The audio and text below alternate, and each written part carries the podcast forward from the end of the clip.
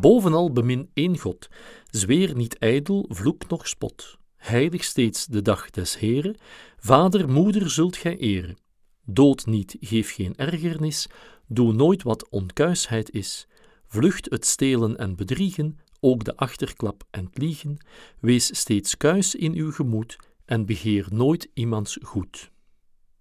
Dat zijn ze, alle tien, zoals de meeste van ons, zeker van mijn generatie en de mensen die ouder zijn dan ik, ze van buiten hebben moeten leren in hun jeugd.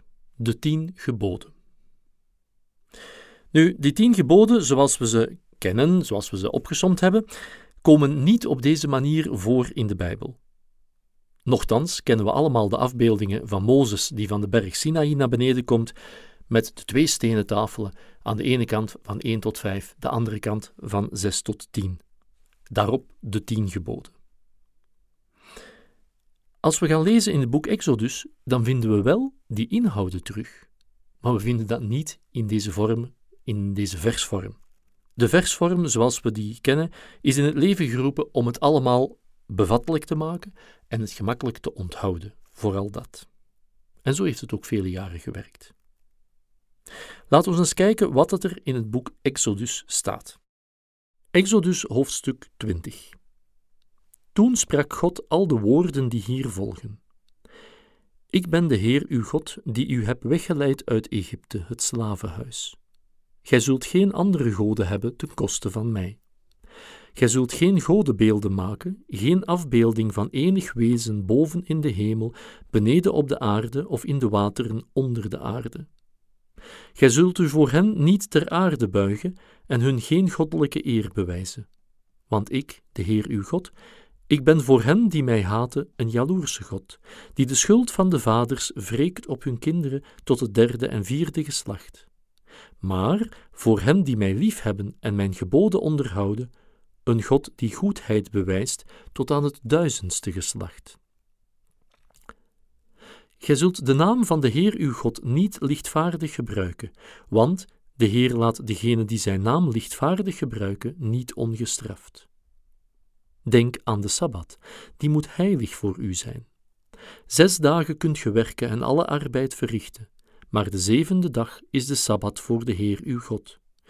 Dan moogt gij geen enkele arbeid verrichten, gijzelf niet, uw zoon niet, uw dochter niet, uw slaaf niet, uw slavin niet, uw dieren niet, zelfs niet de vreemdeling die bij u woont. In zes dagen immers heeft de Heer de hemel, de aarde, de zee met al wat erin is gemaakt.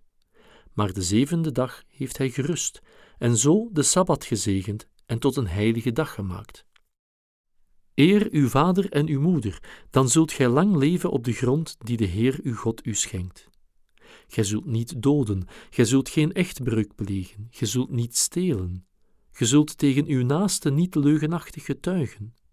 Gij zult uw zinnen niet zetten op het huis van uw naaste. Gij zult uw zinnen niet zetten op de vrouw van uw naaste, niet op zijn slaaf, zijn slavin, zijn rund of zijn ezel, op niets wat hem toebehoort. Dat staat in het boek Exodus en daaruit zijn onze tien geboden gedistilleerd. Om alles goed te begrijpen, moeten we beseffen in welke context dat dit stukje staat. Mozes is erin geslaagd om de Israëlieten te bevrijden uit Egypte. En ze zijn door de woestijn terug op weg naar huis. En in die hele lange reis gebeurt er heel veel. En Mozes fungeert als tussenpersoon tussen God en zijn volk. Het is Mozes die tegen het volk gezegd heeft: God haalt u weg uit Egypte. Kom, volg mij maar. En het volk luisterde. Maar af en toe mekkeren ze dan toch. Er is geen eten, er is geen drinken. Hun geloof in God verslapt af en toe. Het is telkens Mozes die in gebed God gaat opzoeken om te vragen wat hij moet zeggen of wat hij moet doen. En het is op zo'n moment dat God aan Mozes zegt hoe de mensen zich moeten gedragen om uiteindelijk in het beloofde land aan te kunnen komen. Deze tien regels, of deze tien geboden, zijn daar een voorbeeld van, maar er staan nog meer van zulke verhalen in het boek Exodus. De regels voor het maken van een altaar, de regels over de slaven, ga zo maar door. Er is trouwens nog een tweede plaats waar je deze tekst vindt, in het boek Deuteronomium in hoofdstuk 5. Als Joden het hebben over de wet, dan hebben ze het over de eerste vijf boeken van de Bijbel. En dit stuk van die tien geboden neemt daar een zeer centrale plaats in. Wat is nu belangrijk om als achtergrond mee te nemen? Wel, het feit dat God aan zijn volk regels of geboden geeft in functie van redding en bevrijding. Hij redt zijn volk uit de slavernij van Egypte en voert hen weg naar het beloofde land. Dat is een beweging van vrijheid, dat is een beweging van bevrijding, van redding. En om die beweging naar vrijheid goed te laten verlopen, wijst hij zijn volk op gevaren. Vermoord niemand. Vertel bij de rechter geen leugens over iemand. Het heeft allemaal de sfeer van: als je goed wilt aankomen in dat beloofde land, doe dan dit soort zaken niet. De tien geboden zijn, bij wijze van spreken, een voorwaarde om een leven te kunnen leiden dat vrij is van slavernij, dat vrij is van zonde. De tien geboden zijn dus geen lijstje met begrenzingen om het leven in te binden of het leven saai te maken. Nee. God zegt: Ik ben de Heer uw God. Ik leid u weg uit al datgene dat u onderdrukt en dat u tot slaven maakt. Maar pas op met dit en pas op met dat en trap niet in die valkuil, anders gaat uw redding niet lukken. En dat moeten we goed in het achterhoofd hebben als we die tekst lezen. We noemen het de tien geboden, maar daar is eigenlijk heel veel discussie over mogelijk. De decaloog is eigenlijk de meest correcte term. En dat betekent tien woorden. Als ik verschillende Bijbelvertalingen naast elkaar plaats, dan zie je dat woorden veel vaker voorkomt dan geboden. De nieuwe Bijbelvertaling spreekt over Toen sprak God deze woorden. De Willibrord-vertaling die ik zo net voorgelezen heb trouwens, toen sprak God al de woorden die hier volgen. Pieter Oesoren in zijn Naardense Bijbelvertaling zegt: God spreekt al deze woorden en zegt. De Bijbel in gewone taal. God gaf de Israëlieten de volgende belangrijke regels. Dus in de Bijbelteksten vind je het woord geboden niet. Althans niet op die plaats in Exodus. Het zijn trouwens ook niet allemaal geboden, want een gebod zegt dat je iets moet doen. Er zijn veel verboden bij. Hè? Een verbod zegt dat je bepaalde zaken niet moogt doen. Maar sommige dingen van onze tien geboden staan dichter bij het verbod dan bij het gebod. Zweer niet, dood niet, doe nooit, begeer nooit.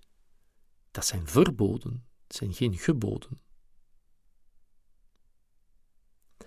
Over de decaloog spreken als over tien woorden is eigenlijk mooier. Jan Wouters is een man met wie ik veel heb mogen samenwerken in de creatie van een godsdienstmethode voor het lager onderwijs. En hij heeft een liedtekst geschreven voor kinderen, kinderen van het vierde leerjaar, om die tien geboden te hertalen. En daar klinkt dat als volgt tien wijze woorden gegeven om te leven. Woorden van de Heer, die wijzen ons de weg. Tien wijze woorden gegeven om te leven. Dat is het refrein. En dan krijg je twee stroofjes met telkens vijf woorden. Als God is er maar één, uniek en heel apart. Geen tekening of beeld, maar bewaar hem in je hart. Gebruik zijn naam niet zomaar en zeker niet verkeerd. Op zondag mag je vieren, Gods schepping wordt geëerd. Heb eerbied voor je ouders, ja, steun maar op hun schouders. Dan komt het refreintje terug. En strofe 2. Heb eerbied voor elkaar, respect voor ieders leven en houd je aan je woord dat je iemand hebt gegeven. Neem nooit iets van een ander wat jou niet toebehoort. En roddel niet, verdraai niet wat je hebt gehoord. Word zeker niet jaloers op je zusters of je broers. Tien wijze woorden gegeven om te leven, woorden van de Heer, die wijzen ons de weg. Tien wijze woorden gegeven om te leven. Ik vind dat eigenlijk een fantastische vertaling. Het zijn woorden waar wijsheid in zit. Dat is uitgepuurd, daar is over nagedacht. Er zit wijsheid in. Tien wijze woorden. En ze zijn ons gegeven met het doel dat we zouden leven, ten volle zouden kunnen leven. Denk terug aan Exodus, de tien woorden tot redding, tot bevrijding. Als we nu in het Nieuwe Testament gaan kijken, Jezus spreekt daar veel over. Er zijn verschillende plaatsen in het Nieuwe Testament waar hij verwijst naar de wet, waar mensen hem komen vragen: ja, maar wat is nu, wat is nu het belangrijkste? Wat is het belangrijkste gebod? En zegt Jezus: je moet de wet onderhouden. Ah, maar wat is dan de wet? En voortdurend verwijst hij daar naartoe. Ik neem u mee naar Matthäus hoofdstuk 19, vers 16. Eens kwam iemand naar hem toe om te vragen: Meester, wat voor goeds moet ik doen om het eeuwig leven te verwerven? Hij zei hem: Waarom wilt ge van mij weten wat goed is? Eén slechts is er goed. Als gij het leven binnen wilt gaan, onderhoud dan de geboden. Welke? vroeg hij. Jezus antwoordde: De bekende. Je zult niet doden, je zult geen echtbreuk plegen, je zult niet stelen, je zult niet vals getuigen, eer uw vader en uw moeder, en je zult uw naaste beminnen als uzelf. Hij voegt er een aan toe: je zult uw naaste beminnen als uzelf. Jezus zet een stap verder in het onderhouden van de wet. Hij trekt het open. Hij brengt er de liefde bij. Ik neem u mee naar Matthäus 22, vers 36.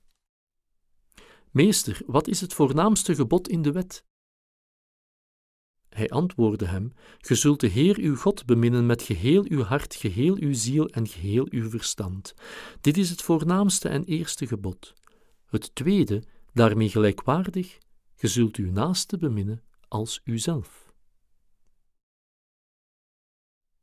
Jezus brengt heel de inhoud van die wet, van die tien geboden, samen in dat ene gebod van de wederzijdse liefde. Dat is het belangrijkste. Dat is het belangrijkste woord ten leven. De lijn van redding en bevrijding, die we in het Oude Testament zien, in die figuur van Mozes, die het volk redt, die het volk meeneemt naar het beloofde land, heel die lijn trekt zich door. Door in heel de Bijbel zien we ook in het Nieuwe Testament, waar dat Jezus, die redder, die Messias is, zijn elfde woord, bij wijze van spreken, dat hij eraan toevoegt, is: bemin de naaste als uzelf. Hij vat heel die wet samen en zet een stap verder. We moeten ten allen prijze vermijden dat we zouden komen tot een leven waarbij dat we perfect al de regeltjes onderhouden, maar tekortschieten in de liefde voor elkaar. Ik denk dat dat is wat de boodschap van Jezus daar is. Het is ook in dat licht dat we Augustinus moeten verstaan als hij zegt: bemin en doe wat je wil. Vanuit de onderlinge liefde kan er eigenlijk niets misgaan, zegt Augustinus. Ik kijk met u nog even naar de Romeinenbrief van Paulus, hoofdstuk 13, eh, vers 8. Zorg dat gij niemand iets schuldig zijt. Uw enige schuld blijven de onderlinge liefde. Wie zijn naaste bemint, heeft de wet vervuld. Want de geboden, je zult niet echt breken, niet doden, niet stelen, niet begeren, en alle andere kan men samenvatten in dit ene woord: bemin uw naaste als uzelf. De tien geboden.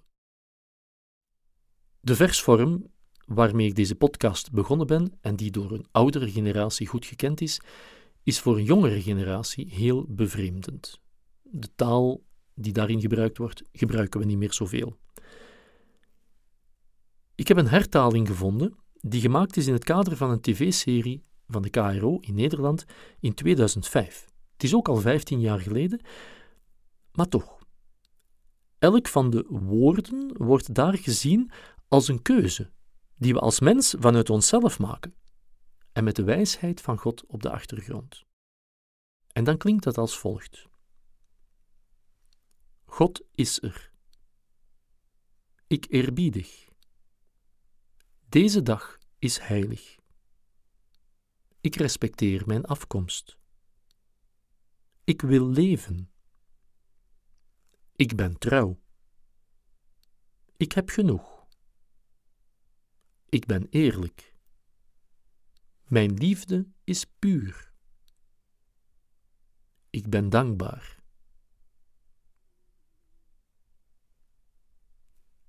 Tien wijze woorden gegeven om te leven.